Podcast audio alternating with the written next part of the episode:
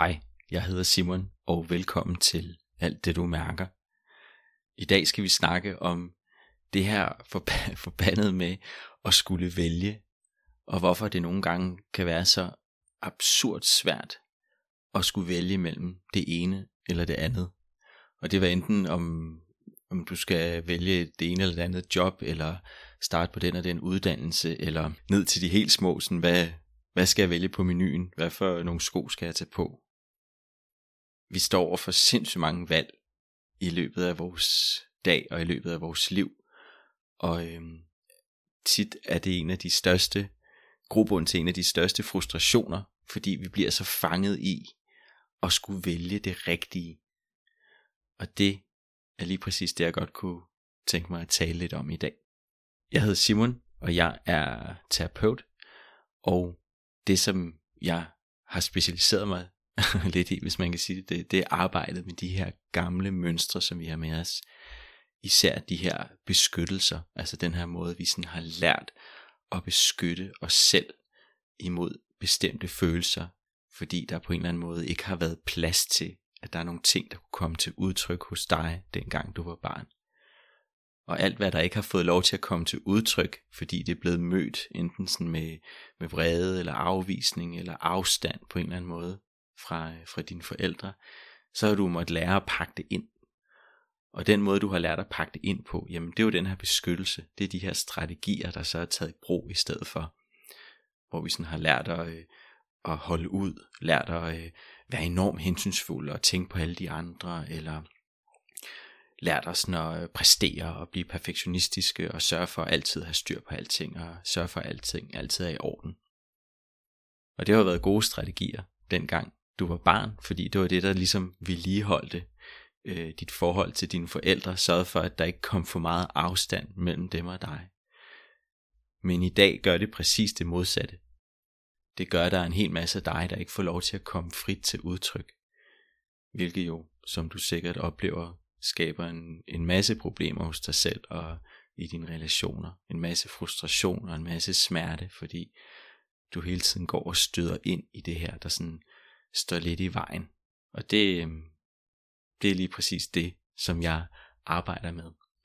Så hvis det er, øh, det er noget, du sådan er nysgerrig på, den, den måde, jeg snakker ind i det på i de her podcaster, de ting, du læser på min Facebook-side og på min hjemmeside osv., så er du altid meget velkommen til at skrive til mig, så lad os tage en snak om, om, om der er noget af sådan, den tilgang, jeg har, som kan gøre noget godt for dig.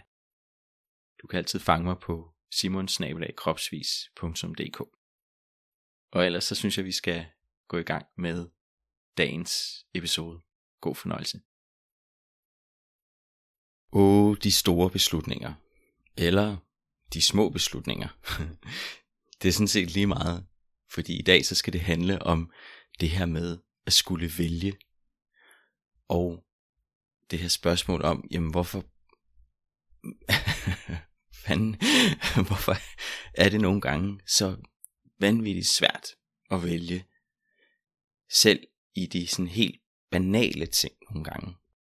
Altså hvad for en jakke man skal købe, eller hvad for noget mad der skal spises, eller det kan være sådan helt åndssvage ting, som bliver drevet ud i sådan det mest absurde tankespind. Og hvorfor er det, det sker? Fordi der er jo sådan, en ting er jo, at det kan være svært at vælge de store ting.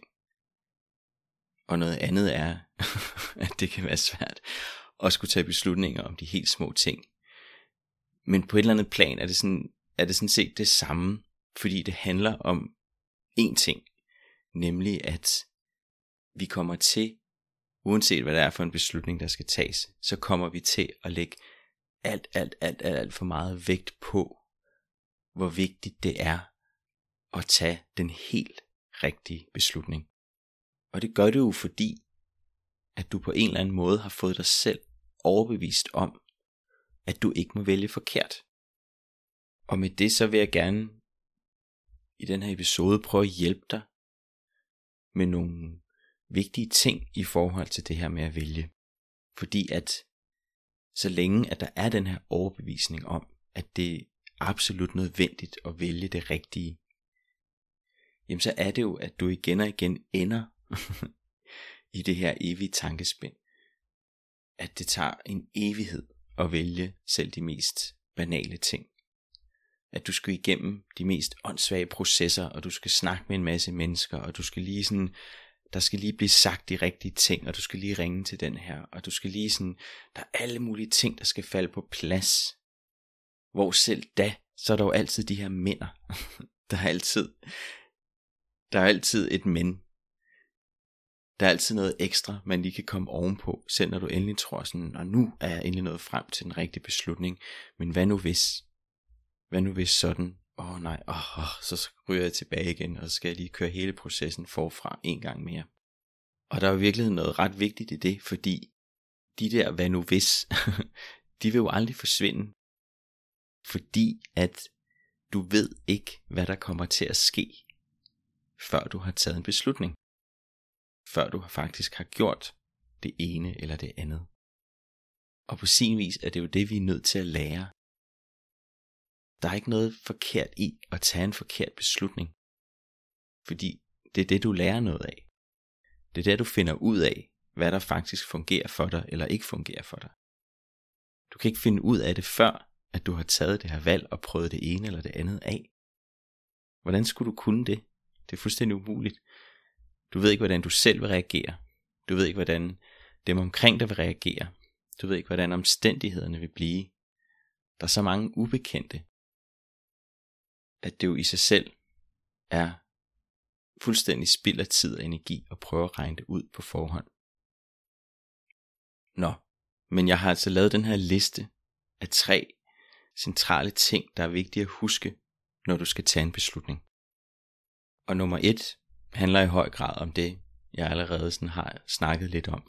Nemlig at den helt rigtige beslutning, den findes ikke. Altså det er en illusion at tro, at hvis du tænker længe nok over det, så vil du komme frem til, hvad der så er den rigtige beslutning. Og det skøre er, at du ved det jo godt, fordi du har jo taget et utal af beslutninger i dit liv hvor rigtig mange af dem har vist sig ikke at være i sådan anførselstegn den rigtige, hvor du så igen har været nødt til at vælge noget andet bagefter, fordi du faktisk fandt ud af sådan, nej, det var faktisk ikke lige sådan her, jeg havde lyst til, at det skulle være, eller det var ikke lige det, jeg havde tænkt. Og essensen er jo virkelig, at jamen, det finder du først ud af bagefter. Og sådan er det jo bare. Det er der ikke noget farligt i, det er der ikke noget forkert i. Det er sådan, det fungerer.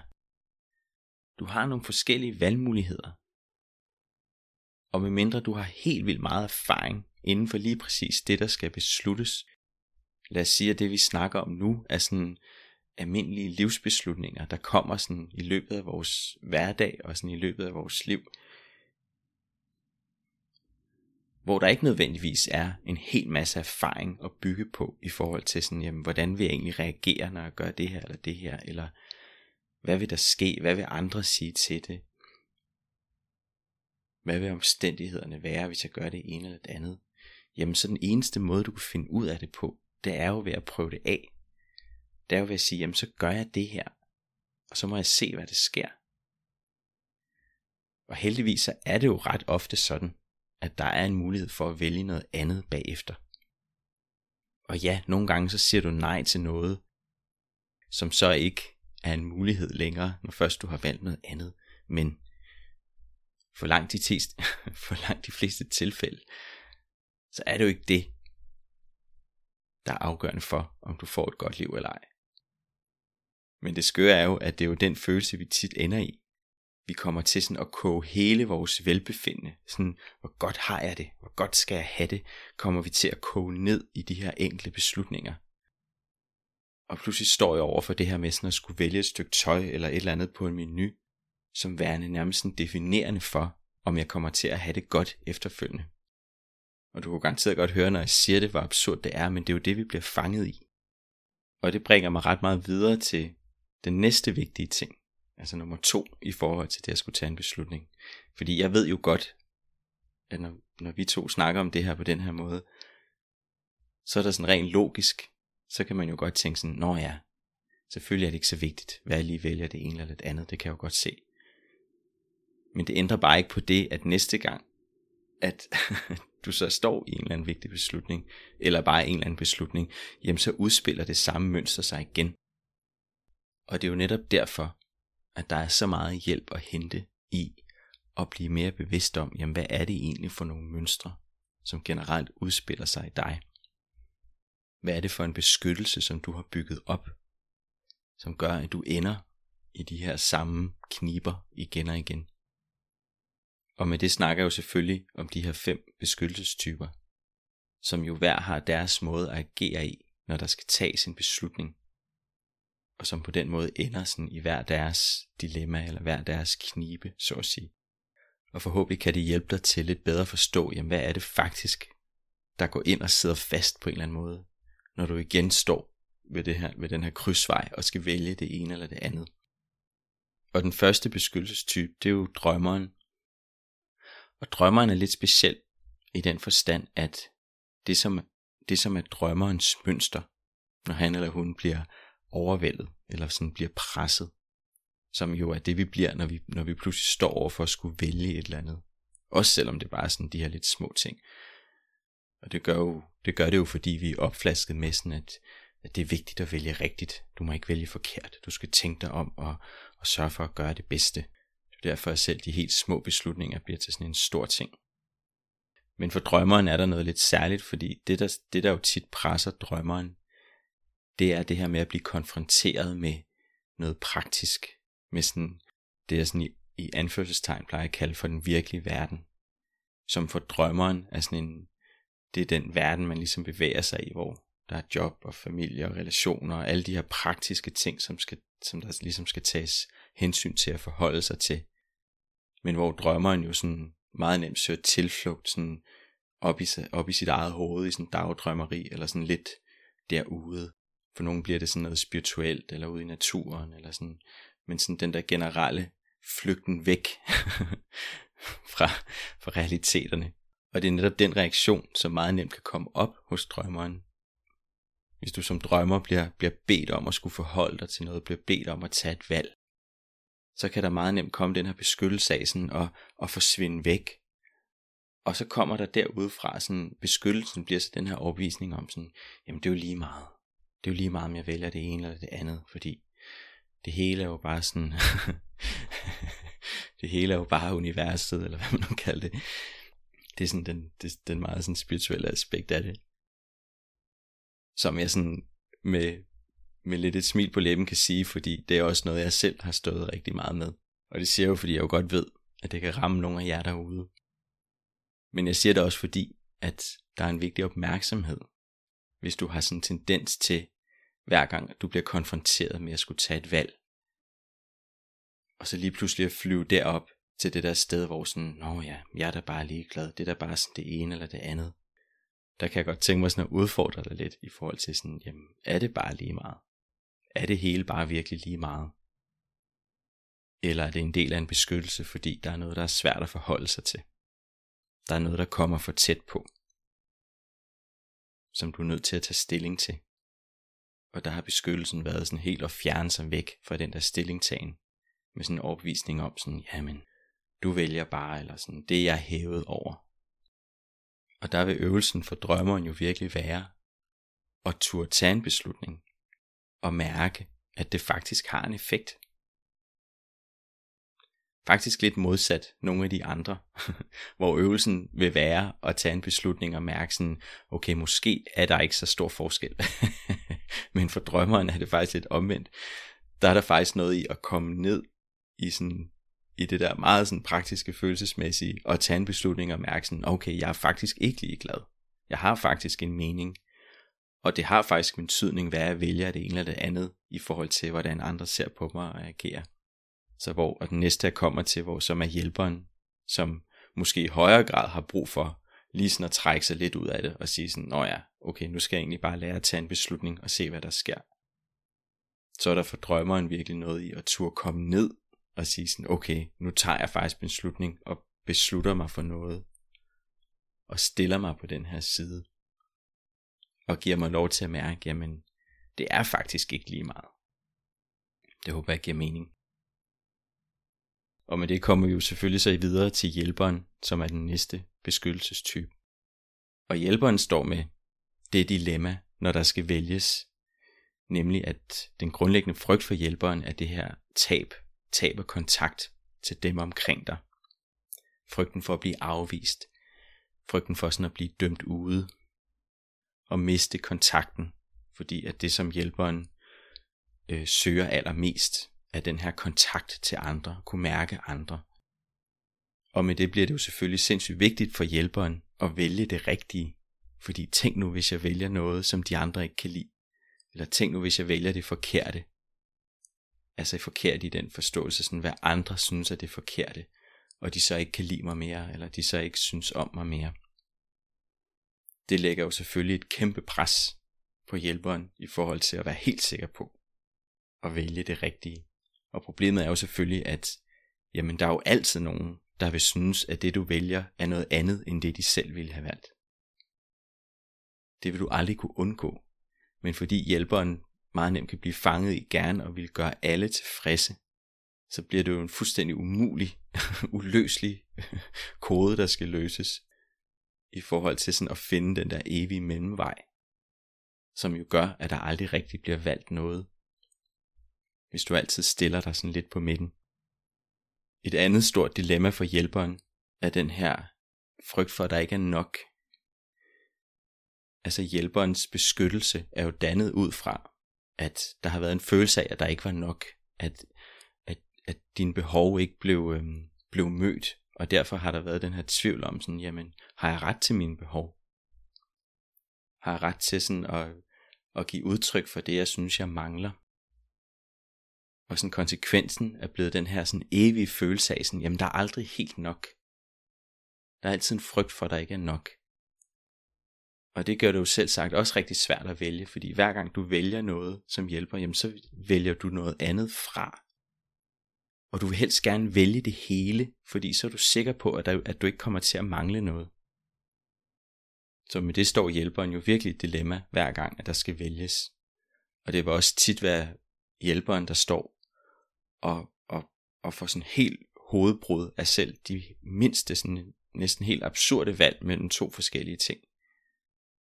Fordi sæt nu, hvis det ikke var det rigtige. Så den næste beskyttelse, vi når til, det er udholderen. Udholderens udfordring er ret meget det her med at have ret til at handle, og have ret til faktisk at gøre noget. Hvilket rigtig tit for udholderen kommer til udtryk som sådan en stillstand. Altså den her følelse af at sidde fast. Og derfor så vil udholderens udfordring omkring det her med at vælge, det vil være, at der sådan ubevidst, så vil alle valg sådan meget nemt blive skudt ned, inden de overhovedet har fået lov til at blive afprøvet. Noget af det, som udholderen kæmper rigtig meget med, det er sådan den her selvsabotage. Hele tiden at, at, at se blokeringer for sig, der hele tiden står i vejen. Der er altid noget, der er svært. Der er altid noget, der, der, står, der står i vejen for at jeg kan komme videre.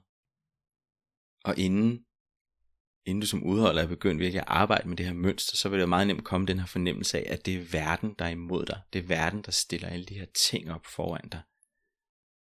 Så du aldrig får lov til at rykke dig. Det vil også komme til udtryk, når du skal tage en beslutning. Fordi hver gang du tænker sådan, om skal jeg gøre det her? Nå nej, det kommer alligevel, og sådan, og så går det alligevel ikke. Nå, skal jeg så gøre det her? Nå oh, nej, så sker det der sikkert bare, og så kommer hun og siger sådan, og så går det ikke. Og hvad? Nå oh, nej, ja, og så, så vil han bare brokke sig. Eller så, så uanset hvad vej du kigger, så står der bare blokeringer, så står der noget i vejen, som er med til at forstærke den her stillstand og den her øh, ubevægelighed. Den her følelse af, jamen, ja, og det er jo ikke bare en følelse, det, det, det bliver jo en, en reel til, det bliver jo en reel stillstand, altså at du ikke rykker dig nogen steder. Fordi uanset hvor du kigger hen, så står der noget i vejen. Og så kommer der ikke til at ske noget. Og jeg ved godt, det er sådan, det er sådan lidt grov sammenligning. Øhm, så helst ikke tage, tage det alt for personligt. Men, men jeg kommer tit til at tænke på energien, ligesom øh, æsel for Peter Plus. Der har den der sådan lidt sådan, nå ja, så gør det ikke sådan, eller der, der, der, er sådan lidt en under, eller der er sådan lidt en underliggende pessimisme hele tiden. Og hvis du hører det her som udholder, så, så tror jeg godt, du ved, hvad jeg mener. Og jeg siger det virkelig med, med absolut største kærlighed, fordi jeg ved, jeg ved, hvor svær en position det er, fordi det er jo ikke fordi, du ikke vil tage de her valg, det er jo ikke fordi, du ikke vil rykke dig, men der er noget i det, du har med dig fra din opvækst, fra din barndom. Det her med at være blevet kontrolleret, og hele tiden at være blevet styret, og næsten sådan lidt ydmyget for nogen, som jo har givet den her udholderbeskyttelse, som udspiller sig som det her, der, der hele tiden står i vejen. Så for udholderen er der ligesom for hjælperen, altså en øvelse i, og det er der jo for alle i virkeligheden, altså der er jo en øvelse i at tage en beslutning, og mærke sådan helt kropsligt, sådan, hey, nu gør jeg faktisk noget. Det er det, der er det vigtige for udholderen. Det er faktisk ikke engang så meget, hvad er det, om det lige er det ene eller det andet, men den der sådan helt kropslige følelse og frigivende energi, der kommer i det øjeblik, du faktisk gør noget. Og sige sådan, det kan, godt, det kan godt være, at jeg ikke lige ved, om det er det rigtige, eller jeg møder ind i de her blokeringer, men nu gør jeg det her, og så prøver jeg det af, og mærker den energi, der kan være i, at der pludselig er bevægelse. Lidt ligesom når vi ligger derhjemme på sofaen og ikke overgår at skulle ud og løbe en tur, eller tage ud og træne eller sådan noget. Men lige så snart vi så kommer i gang og faktisk gør det, jamen så, så er energien der. Hvor vi derhjemme kunne ligge og tænke sådan, åh, jeg er alt for træt til at løbe. Jeg kommer alligevel aldrig afsted. Og så, men med beslutningen og med den handling, der er faktisk at gøre det, jamen så kommer der en energi, så bliver der frigivet en energi, som faktisk hele tiden var til rådighed, men den lå pakket ind i den der beskyttelse. Så det er meget sådan den samme fornemmelse, som jeg er sikker på, at du vil kunne genkende som udholder og i det hele taget. Så den næste beskyttelse, den fjerde af de fem her, er så angriberen. Så hvad står angriberen med, når der skal tages beslutninger? Jamen som angriber, så har du helt vildt svært ved at tage valg, som stiller dig i en position, hvor du er afhængig af andre. Fordi det er det værste, som angriberen kan forestille sig, det er at være afhængig af andre. Fordi så er du sårbar for at blive svigtet, som virkelig er angriberens traume. Det her svigt på en måde, der har gjort, at angriberen har lært altid at tage vare på sig selv, og altid være den, der har styr på det og er ovenpå. Det kommer sådan i mere eller mindre grad til udtryk hos angriber, den her trang til at være den, der har styringen. Hvilket jo gør, at alle valg, der på en eller anden måde inkluderer, at man overgiver noget magt eller noget autoritet til andre, det vil være valg, der er meget, meget svære at tage. Og det stiller jo angriberen på en ret snæver vej i forhold til sådan kun at kunne vælge de ting, hvor hvor du selv bevarer kontrollen. Og måden som, og måden som mange angriber jo lever ud igennem det her, det er jo ved at, at, at kæmpe sig frem til positioner, hvor at det er jo dem, der har styringen. Altså så du også ser mange angriber i lederroller, for eksempel. Fordi så er de sikre på, at de har flest mulige valgmuligheder, der indebærer, at det stadigvæk er dem, der styrer, hvad der skal ske. Så for performeren, som er den femte og sidste af de her fem beskyttelsestyper, der vil det her med at vælge være en udfordring i forhold til, at performeren jo selvfølgelig altid gerne vil fremstå som en, der har styr på det. Altså det ligger jo i det her med sådan altid gerne at ville performe. Fordi der for performeren er noget meget, meget, meget vigtigt i resultatet. Det er faktisk det, som det hele drejer sig om. Alt bliver målt og varet i i outputtet eller resultatet. Hvordan fremstår det endelige resultat over for andre? Og frygten for performeren er jo selvfølgelig at falde på halen og blive eksponeret og blive, øh, og blive sårbar. Altså pludselig stå i en position, hvor at andre kan se, at du ikke har styr på det. Det vil sige, som performer kan det være svært at tage valg, der inkluderer nogen grad sådan af spontanitet, eller sådan nu prøver vi det her, og ser hvad der sker, eller skal vi ikke gøre det her, eller skal vi ikke, øh, skal vi ikke gå ud og øh, tage på den her tur, eller hvad det nu kan være.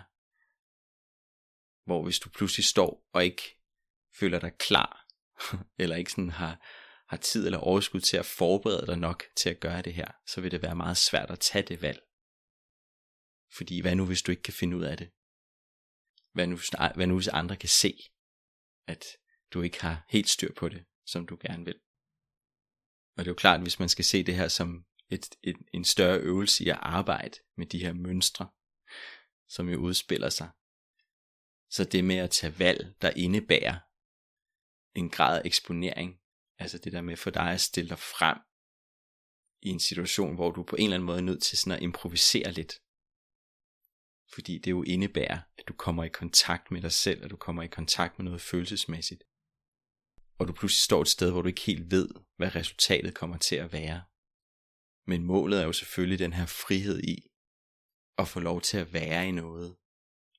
Og mærke det her flow af sådan, nu gør vi det her, og så ser vi, hvad der sker.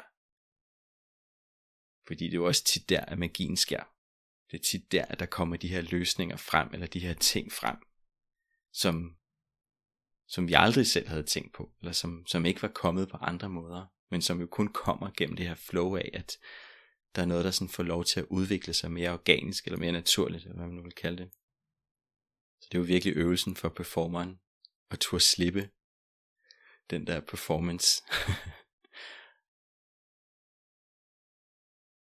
og stille sig ud på gulvet i de situationer, hvor du ikke har haft mulighed for at forberede dig. Så med det så kommer vi til den tredje vigtige ting i det at tage beslutninger.